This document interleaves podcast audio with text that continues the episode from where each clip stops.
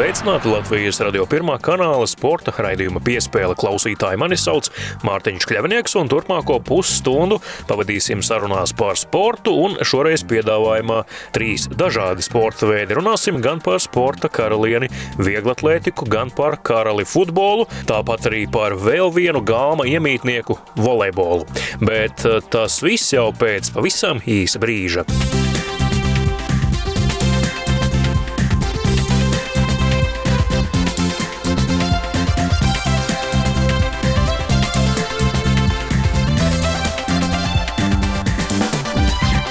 Jūs klausāties Latvijas radio pirmā kanāla sporta raidījumu piespēle studijā Mārtiņš Kļavinieks. Vieni no Latvijas labākajiem šķēpmetējiem Līna Mūze un Zigismunds Sirmais ir vienaudži, tāpat arī treniņu partneri un dzīves biedri ikdienā. Aizvadītais koronavīrusa pandēmijas laiks ar dzelžainajiem pārvietošanās ierobežojumiem bijis pārbaudījums arī viņu attiecībām, taču gan Zigis, gan Līna sakās tam esot tikuši pāri pietiekami labi. Kavējuši sev laiku gan paši izveidojot mājās trenažieru zāli, tāpat arī skatoties dokumentālo seriālu par Maiklu Jordanu pēdējā dēļa. Abi šķepmetēji ir ambīciju pilni apliecināt savu varējumu sektorā, bet pagaidām vēl jāgaida, kad tad īsti atgriezīsies sacensību režīms. 2016. gadā Zigismunds kļuva par Eiropas čempionu, vēlāk viņam nācās veikt divas plecu operācijas, vienu tajā pašā gadā, bet vienu 2018. Pēc otrās no operācijām viņš joprojām vēl tā kārtīgi nav startējis. Savukārt Līna nu jau gandrīz vai aizmirsusi par 2016. gadā pārrautajām krustiniskajām saitēm un ieplēsto menisku. Raidījuma piespēle turpinājumā jūsu uzmanībai saruna ar šķepetējiem Līnu Mūzi un Zigismundu Sirmo. Tas ir ļoti pašsaprotami, kad Latvijas sauc, tad tur nav variantu. Tu vienmēr saki, ka jā. Es cenšos ar katru spēli palikt labāks, katru spēli augt. Tad, kad jau ir uh, sezonas beigas un, un starpsezona, tad tu vari palikt reāli labāks spēlētājs. Zigismunds Cirmais un Līna Mūza sarunā ar Latvijas radio sporta raidījumu piespēlē. Abi Latvijas viena no labākajiem šķēpmetējiem. Līna, es skatos, ka tev ir jaka ar Čikāgas buļļu logo. Tu arī skaties pēdējo dēļu vai jau noskatījies? Nē, es vēl skatos. Es gandrīz katru nedēļu pa vienai sērijai. Es negribu noskatīties visu vienā dienā. Man ir ļoti interesanti sevi tā paskubināt, pagaidīt, kas notiks tālāk. Jā. Bet ļoti interesanti, patīk. Zīgas mūns arī skatās. Jā, protams, nu, kas man cits atliek. Bet eh, ļoti interesanti, iedvesmojoši. Un pāris epizodes man pašam tā liekas tāds tuvāks, bija par to motivāciju. Nu, tie bija 90. un 90. sākums, kad eh, jūs un arī es, mēs apmēram viens paudzes cilvēki bijām mazi bērni. Jums bija Jordans, tad tajā laikā kaut kas tāds liels, vai tomēr eh, Kobe vairāk bija tas jūsu paudzes Jordans? Maikls Jordans, jā, tikai un vienīgi savas sportiskās gaitas man arī sanāca pāris mēnešus uzspēlēt arī basketbolu jūglā. Tad es sekoju visiem, visiem top atlētiem. Nu, Maikls, nu, viņš ir Maikls. Mm. Jā. Man liekas, kā bērnam visvairāk palika atmiņā ir tāds Space Jam uh, filma, kurā piedalās Maikls Jordans. Es teikšu, ka uh, neatkarīgi cik reizes esmu viņu redzējis, man vēl aizvien patīk. Un arī cik man ir gadi, tiešām laba filma. Un Maikls Jordans Nu, kurš nezina Maiklu Jordanu? Pat mana mamma zina Maiklu Jordanu, un mana mamma zina tikai latviešu basketbols un Maiklu Jordanu. Visi zina Maiklu Jordanu. Kā jūs eh, pārdzīvojāt pandēmiju, viens otram neapnikāt, nekritāt uz nerviem? Ļoti kritām, man liekas. Nu, tā, ka, tas ir tikai normāli, jo mēs pavadījām 14 dienas pašizolācijā. Nu, nevienam nav viegli neizejot no mājas 24, 7 un tā 14 dienas uh, tā izturēt. Bet, uh, Visā visumā man liekas, mēs ļoti labi arī pēc tam nostrādājām. Paši nopirkām svaru stieņus, turpat pagalmā cēlām. Zigis uzmetināja. Mēs uzmetinājām piesēdienu rāmi, garāžā piesēdienu krēslu. Viss ekipējums mums principā bija. Pēc 14 dienām mēs diezgan salīdzinoši pilnvērtīgi varējām trenēties. Un, Protams, stadions pietrūka un, un treneris arī mums, viņš pēc cik Somijā ir, tad mēs nevaram uz Somiju braukt. Kā mēs visi izdarījām tā, lai būtu labi. Zīgi, kur tu metināt iemācījies? Pašmācības ceļā man viens skolotājs ir Līnas brālis, Monvīts. Un uh, otrs skolotājs ir YouTube.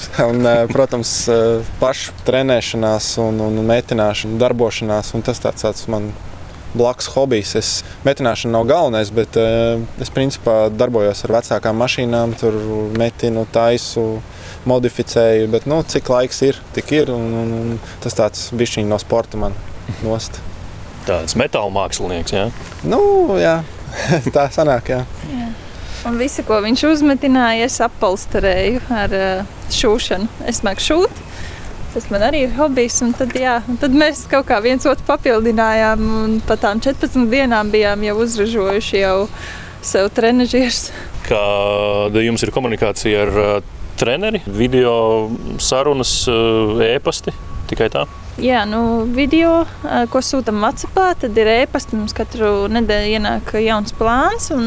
Šodien pat sazvanījāmies par to, ka mums jāpamaina plāns, jo nav tās iespējas tik labas, tik, piemēram, nu, visur ir jārezervē tas laiks. Un, ja kāds ir bijis par tevi ātrāks mazliet, tad, tad tu netiec. Un šodien mēs arī runājam par to, ka diezgan sarežģīti ir Un arī nometni nevaram tagad sarunāt arī Somijā. Tā ir diezgan sarežģīta, bet nu, tiekam galā. Un treneris ļoti labi, ka viņš tā var uh, pielāgoties šai situācijai. Mm. Kur ir tā infrastruktūra, kur jūs šobrīd tiekat iekšā un uzturieties, trenēties? Nu, jāsaka liels paldies Ogrei Ogres stadionam. Latvijas Olimpiskā vienība ir atvērusies jau otro nedēļu, bet nu, ļoti ierobežots skaits, cik sportisti drīkst atrasties treniņa vietā ar visiem dezinfekcijas līdzekļiem un maskām. Pārējais ir viss ārā - ogre, grīziņkalns, Rīgas tehniskā koledža. Mežs, pagalms. Jā.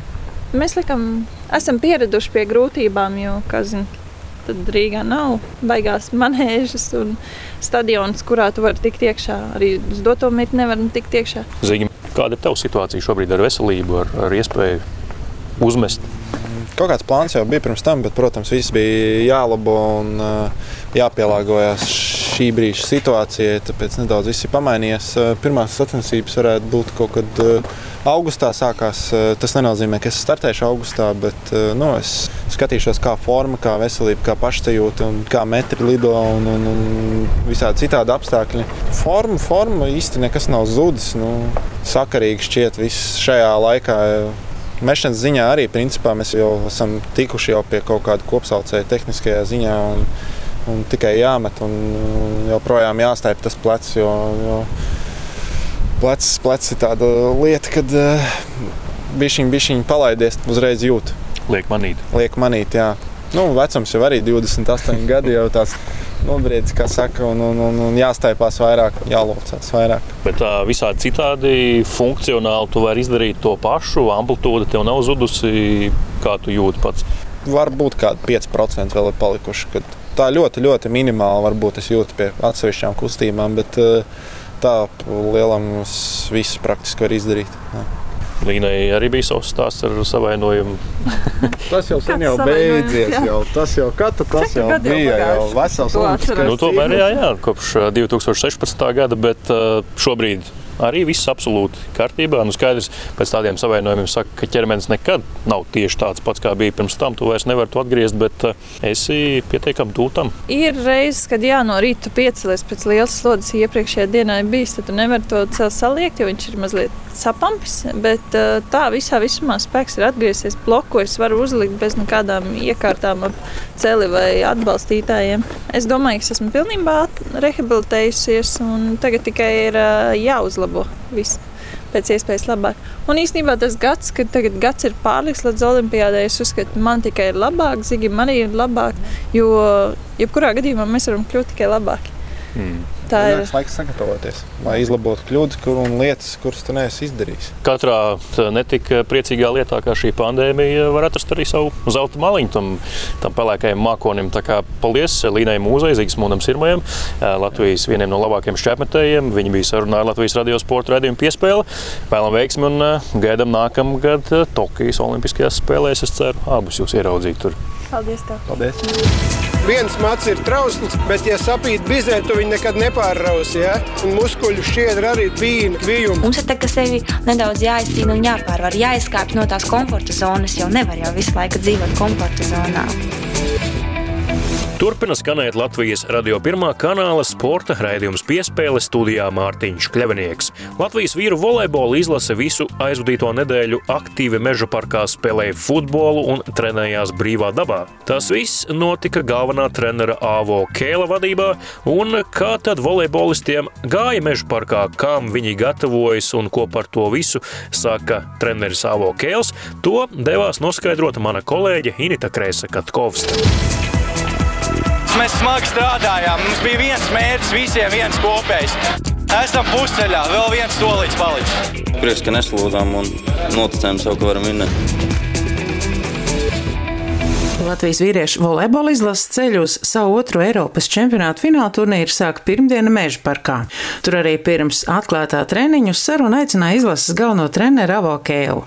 Vispirms par pirmajiem iespējām, laikam jau puiši ir izslāpuši pēc koptreniņiem. Ну да, я думаю, что это перерыв очень, очень длинный был в связи с этим болезнями. Jā, domāju, ka šīs pārtraukums bija diezgan ilgs sakarā ar vīrusu. Domāju, ka šie sportisti, kas sevī atrada spēku trenēties individuāli, būs labākā sportiskā formā nekā tie, kas to nedarīja. Получше состояние сейчас, которые ну, ничего не сделали. Kādā no intervijām teicāt, ka domājat par sastāvu komplektēšanu ilgtermiņā, lai jaunajiem vistuvākajā laikā būtu iespēja tā sakot ieliekt lielajā izlasē. По-моему, идеальный вариант был бы такой, что, например, одновременно были бы, скажем так, что сборная А и сборная Б. Ideālais variants būtu, ja tos nokomplektēt A un B sastāvu, tad lielāks kandidātu lokus un lielākas cerības tuvākajā nākotnē kādam 20-gadīgajam talantam izšaut un pievērst sev uzmanību nacionālajā izlasē. Latvijā ir perspektīva jaunie volejbolisti. Potenciālo izlases debitantu skaitā ir arī tādi, piemēram, Kristaps Šmits, kas sev jau paspējuši pierādīt arī Bīčā.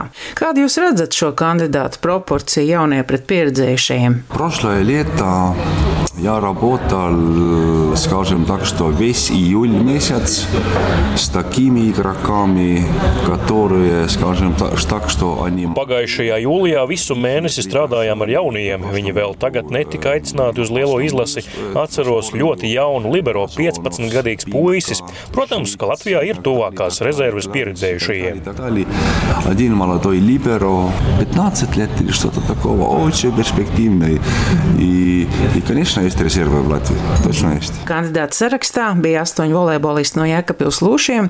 Vai šī kluba spēles stils būtu jūtams arī izlases kontekstā? Protams, ja vairums šo puišu saglabātu vietu komandā. Стиль зависит, в каком стиле сборная играет и что там требует. Это зависит 80% из главного тренера.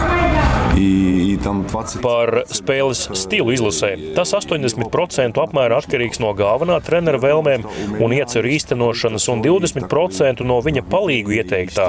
Es domāju, ka man ir savs stils un redzējums, kādam vajadzētu būt volejbolam. Man patīk ātrs volejbols, to nosaka cēlāja prasmes. Mums ir labi šīs pozīcijas spēlētāji. Denis Petrovs ir ļoti labs. Gribētu, lai izlase spēlētu jaudīgāk. Tā tad jāpiestrādā pie fiziskās sagatavotības. Joprojām atceros tā saucamo melno caurumu mūsu spēlēs. Tas bija mačs pret Izraēlu iepriekšējā ciklā. Pēc tam daudz esam analizējuši cēloņus tam, bet tā īsti arī neesmu varējis saprast, kādēļ viss tā notika. Что я не такой э, тренер, который сделает на площадку крестики, что ты должен быть здесь. Gribu, lai spēlētāji saprastu, ka neesmu tāds treneris, kas uz laukuma saliks krustiņus, kur katram jāstāv un kā jāspēlē.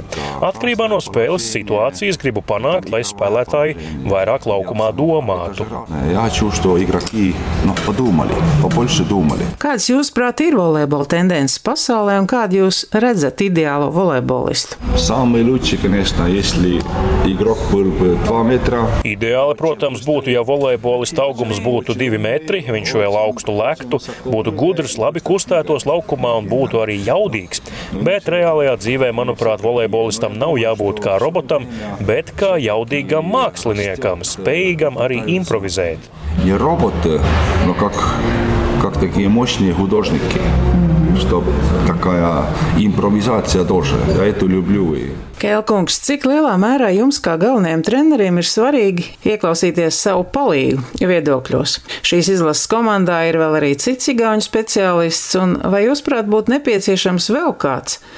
ja līdzekļi to atļautu.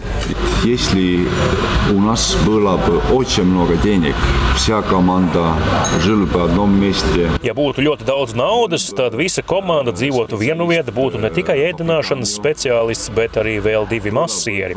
Mums ir viens, un ar 18 sportistiem tikt galā nav vienkārši. Tā ir liela slodze.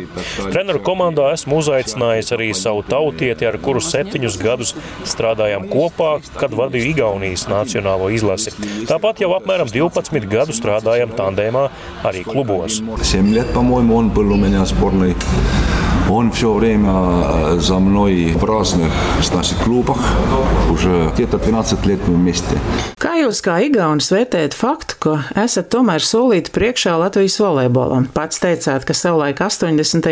ar mirdzošām acīm skatījāties, kā radiotehniķis spēlē, arī priecājāties par latviešu līderu paveikto, kur jūs, prāt, esam iepalikuši šajos gados? Я же в Эстонию весь этот э, путешествие сделал, что я ну, хочу, очень, очень хочу здесь тоже сделать. Es Igaunijā pieveicu garu ceļu, kamēr iecerētais tika sasniegts. Gribētos arī Latvijā to visu pieredzēt. Dzimtenē izlasi vadīju no 2006. līdz 2014. gadam. Jābūt volejbola saimē tādam kopīgam, nerakstītam līgumam. Igauņu izlasē tika viss nodrošināts, lai veiksmīgi sagatavotos. Protams, arī apstākļi sakrita, bet pirms tam finansiāls atbalsts tika arī sporta skolām, lai šo piramīdu noturētu. 2009. gadā ar 3 pret 2 uzvarējām Poliju. Poliju, iekļuvām Eiropas čempionāta finālā. 2011. gadā kvalifikācijā uzvarējām arī Holandi, un viss aizgāja. Gribu arī šeit Latvijā panākt to, lai volejbola cilvēki saprastu, ka atbalsts ir vajadzīgs, jāatbalsta arī klubi. Arī Igaunijā klubiem ir problēmas, bet tomēr jācenšas spēlētāji noturēt un motivēt. No, надо найти как-то, чтобы держать игроков и ну, мотивировать, ну, работать значит, в клубах тоже. Viņš bija tāds motivators, ka es arī gribu būt tur, kur ir viņš un darīt to, ko viņš dara. Visiem spēlētājiem mēs ticam, gaidām, un, un vēl nekas nav beidzies. Vismaz viena spēle mums noteikti. Jā. Turpinās Latvijas radio pirmā kanāla sporta raidījums piespēle studijā Mārtiņš Kļavinieks. Un raidījuma turpinājumā saruna ar kādreizējo futbola žurnālistu, kurš strādājis gan laikrakstā Diena, gan sporta avīzē Ilvaru Kostcinkeviču. Tagad viņš ikdienā gan trenē mazos futbolistus, gan pats komentē futbola spēles televīzijā, bet savukārt lielu viņa brīvā laika daļu aizņem darbs pie playoff arena jeb Baltijā modernākās futbola futbola halles izveides. Ilvars ir šīs halas vadītājs, bet kas tad īsti šis ir par jaunu infrastruktūras objektu, kurš jau 3. septembrī vērs durvis pie Kalnciema tilta Rīgā, par to vairāk iztaujāju Ilvaru Kostinkeviču.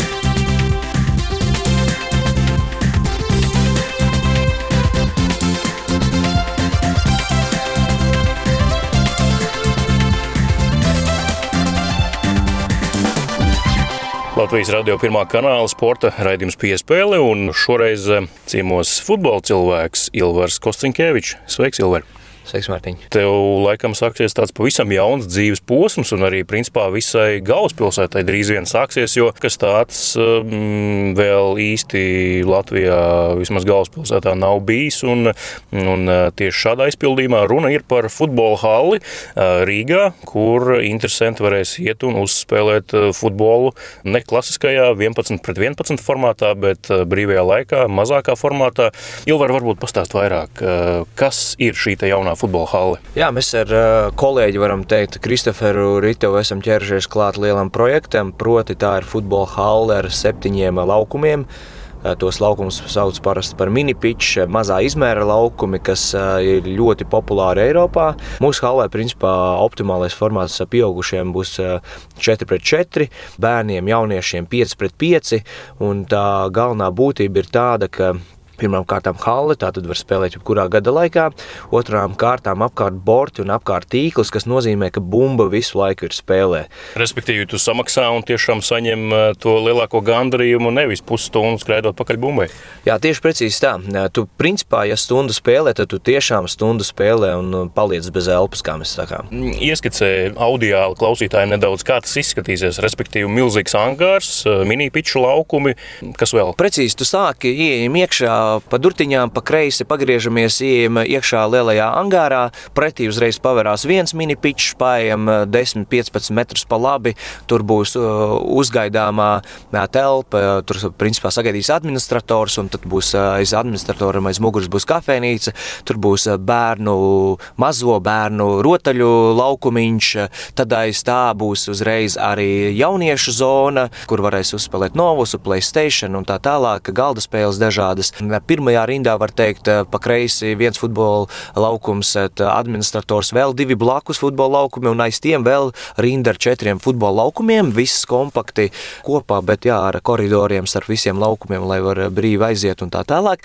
Tad arī vesela gara rinda ēkā, kur būs ģērbtuves, noliktava, dušas, labierīcība telpas un visas šīs pārējais ļoti svarīgais. Arī pirtiņa tur būs un mums ir doma, mērķis izveidot šo projektu šādu, ka tas nu, tiešām ir tāds labs servis. Tā doma ir sekojoša. Tu atnāc, noīrē laukumu, tu samaksā par laukumu, un pārējais servis tev ir nodrošināts. Proti, būs bezmaksas pirts, būs bezmaksas dzeramais ūdens, cik vien nepieciešams sportistiem. Tas ir svarīgi. Tad, kas ir būtiski, mēs gribam nākt pretī vecākiem, kas darba dienu vakaros vai amatieriem, kas grib uzspēlēt, bet viņiem ir savas atvasītes. Mums darba dienās no 6 vakarā līdz 10 vakarā būs bezmaksas auklīte. Proti, tu atnāc ar savu bērnu, vari uzticēt šo bērnu auklītei, kas būs profesionālā, un viņa pieskatīs to bērniņu, kamēr tu stundu spēlē futbolu. Es vienkārši pats kā tētis zinu, ka saskaros ar šo situāciju, ka es gribu pasportot, bet man īsti nav kam uzticēt mazos, un līdz ar to man treniņš iet secen, un tad sportoju retāk nekā es gribētu. Tā kā mēs esam arī par šo domājuši. Jā, tā nu, izklausās tāda um, īsteni eiropeiska rietuma Eiropas pieredze. Bet mēs jau esam Eiropā. Mēs neesam rietuma Eiropā, kā saka, mēs tagad esam Ziemeļa Eiropā. Bet, uh, man patīk piedalīties tādās lietās, kas uh, domā par cilvēku. Tāpēc uh, ir arī citi projekti, kuros es uh, līdz šim savā dzīvē esmu piedalījies, un tie ir ar fokusu uz cilvēku. Jo mēs bieži vien fokusējamies uz naudu, uz kaut kādām lietām, dārgām mašīnām, vēl kaut ko. Man šķiet, ka svarīgi ir uh, fokusēties uz cilvēku un to sajūtu, ko mēs eh, veicinām cilvēkam, radām cilvēkam eh, vai palīdzam gūt. Tāpēc arī mēs eh, ļoti esam par to domājuši. Tiešām, lai tas servis, es zinu, ka visi uzņēmēji jaunie tur, jā, mums ir labākais servis un tā tālāk, bet svarīgi, lai, lai darbos ir konkrētas lietas, kas tiešām tā liek cilvēkam justies. Jā, tā tad 3. septembris, kā jau minēji, tā diena, kad Hāla vērs durvis, līdz tam, kas vēl jāizdara, kas tur šobrīd notiek?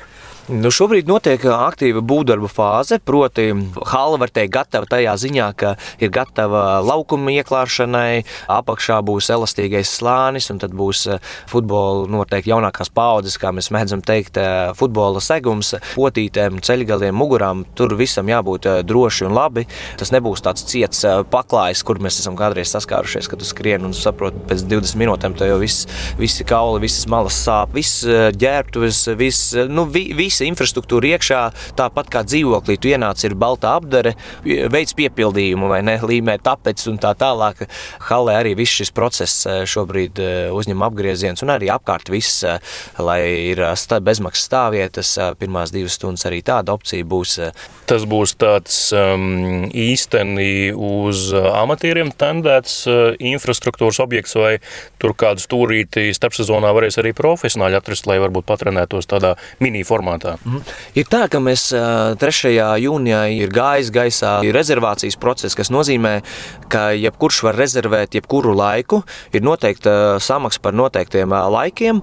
Ontužāns, ja viņš gribēs tur ziemā atbraucot sezonas vidū, kad ir nelielais pārtraukums, piemēram, ja viņš atgriezīsies Bundeslīgā un padarboties, uzturēt sevi formā, nav nekāda problēma. Viņš noīrē laukumu un darbojās. Bet skaidrs, ka mēs redzam, ka darbdienu vakaros tie būs amatieri, kas tur aktīvi darbosies pēc darba. Mēs redzam, ka tur būs jauni jauniešu bērnu turnīri, amatieru turnīri nedēļas nogalēs. Mēs noteikti redzam, ka tur būs diezgan daudz bērnu ballītes, kas ir populāras. Tā kā tāda opcija arī būs, ņemot vērā, ka turpat blakus ir kafejnīca, varēs noiet laukumu, būs zona, kur varēs galdu uzklāt un tā tālāk. Tu minēji, ka būs auklīte, būs administratori, būs arī treneri, kuri pamācīs futbola elementus. Nē, nav, nav tas plānots. Kāpēc? Tāpēc, ka tā ir niša, kas principā pieder vai par to, vai tajā darbojās klubi. Klubi ir tie, kas īrēs, un viņi arī profesionāli trenēs. Nu, tur, jebkurā gadījumā, ja tāds process notiek, tur pretī vajag kompetenci. Tā kā Rīgā klubu ir eh, diezgan daudz, eh, viņu interese arī ir diezgan liela jau šobrīd. Mēs esam jau tuvu pirmajiem eh, rezervācijas līgumiem. Un tie, kas pirmie maļ, tie pirmie dabūja labākos laikus, kā saka. Ilvar, nu tas ir tas, ar ko tu ikdienā nodarbojies un kas tev aizrauj. Nesen tev iznāca grāmata arī ar dzējoļiem. Durvis Laikam tā to var sadalīt šo nosaukumu, nosaukums durvis. Kā šis projekts ir aizgājis, jo tas bija ar labdarības mērķi. Pastāsti, varbūt atgādini Latvijas radio sporta radījumu piespēļu klausītājiem, kāds bija mērķis un uh, vai tas ir uh, sasniegts. Jā, mērķis noteikti ir sasniegts. Proti, bija mērķis palīdzēt uh, puisēnam vārdā Rudolfs, kuru astoņu gadu vecumā notrieca uz gājēju pārējais, salkrastos un smagi savainoja. Viņam ir nepieciešama specifiska rehabilitācija, un tā, kad es tuvojos tam procesam, ka es plānoju izdot grāmatu, es sapratu, ka vienkārši izdot grāmatu tas man īsti nesasilda sirdi tik ļoti, kā izdarīt vēl kādu labu darbu. Un tad es meklēju cilvēku, kuram konkrēti es varu palīdzēt eh, ar pārdotajām grāmatām. Katrs pārdotais grāmatas eksemplārs grāmatnīcā Jānis Roze, naudiņa visi nonāk eh, pie mm, eh, Rudolfa. Tagad man nav precīzs cipars, es neesmu pēdējos datus pārbaudījis, bet mēs savācām ap 1500 eiro. Tas palīdzēja viņam arī aizbraukt uz rehabilitāciju Slovākijā. Slovākijā. Mēs tagad eh, tikāmies pēdējo reizi Salkrastos ar Rudolfu, un eh, tā mamma stāstīja, cik viņa ir eh, priecīga par to progresu, kas viņam ir. Jo, un es arī pats to redzēju, jo līdz šim principā bija jāiet blakus un jāskatās, vai viņš pa kāpnēm nenokrīt un tā tālāk jāpieskata. Tad šobrīd viņš, viņš brīvi jau iet pats pa kāpnēm. Un, nu, tas progress, kā es atceros, kad es viņu satiku Salkrastos pagājušajā gadā, jo pagājušajā gadā grāmata jūnijā tika prezentēta, iznāca un, un kādā progresa līknē viņš ir šobrīd. Tas, tas tiešām ir fantastiski prieks par to tā avārija, diemžēl, pārtrauca viņa gaitas futbolā, bet viņam ir sapnis. Viņš joprojām grib kļūt par futbolistu, un pagalmā viņam ir uh, vieta, kur viņš spēlē daudz bumbu, tā kā viņš darbojās aktīvi. Malecis. Paldies! Ilvars Kostinkievičs bija sporta raidījuma piespēles sarunbiedrs. Ilvar Ralež, patīkam ar tevi parunāt, un acīm redzot, tad jau tiksimies 3. septembrī, kad jaunais mācību gads cerams būs sācies ikdienas un ierastā režīmā, nevis pandēmijas ritmā. Nu, un tad jau arī skatīsimies, kas tur ir sanācis jums ar, ar sadarbības partneri Playoff arēna. Jā, tāds ir nosaukums. Jā, Playoff arēna, jā, sanācis noteikti būs ļoti labi. Un Aleža apusēja Mārtiņa. Paldies! Tajā brīdī es biju labākais pasaulē.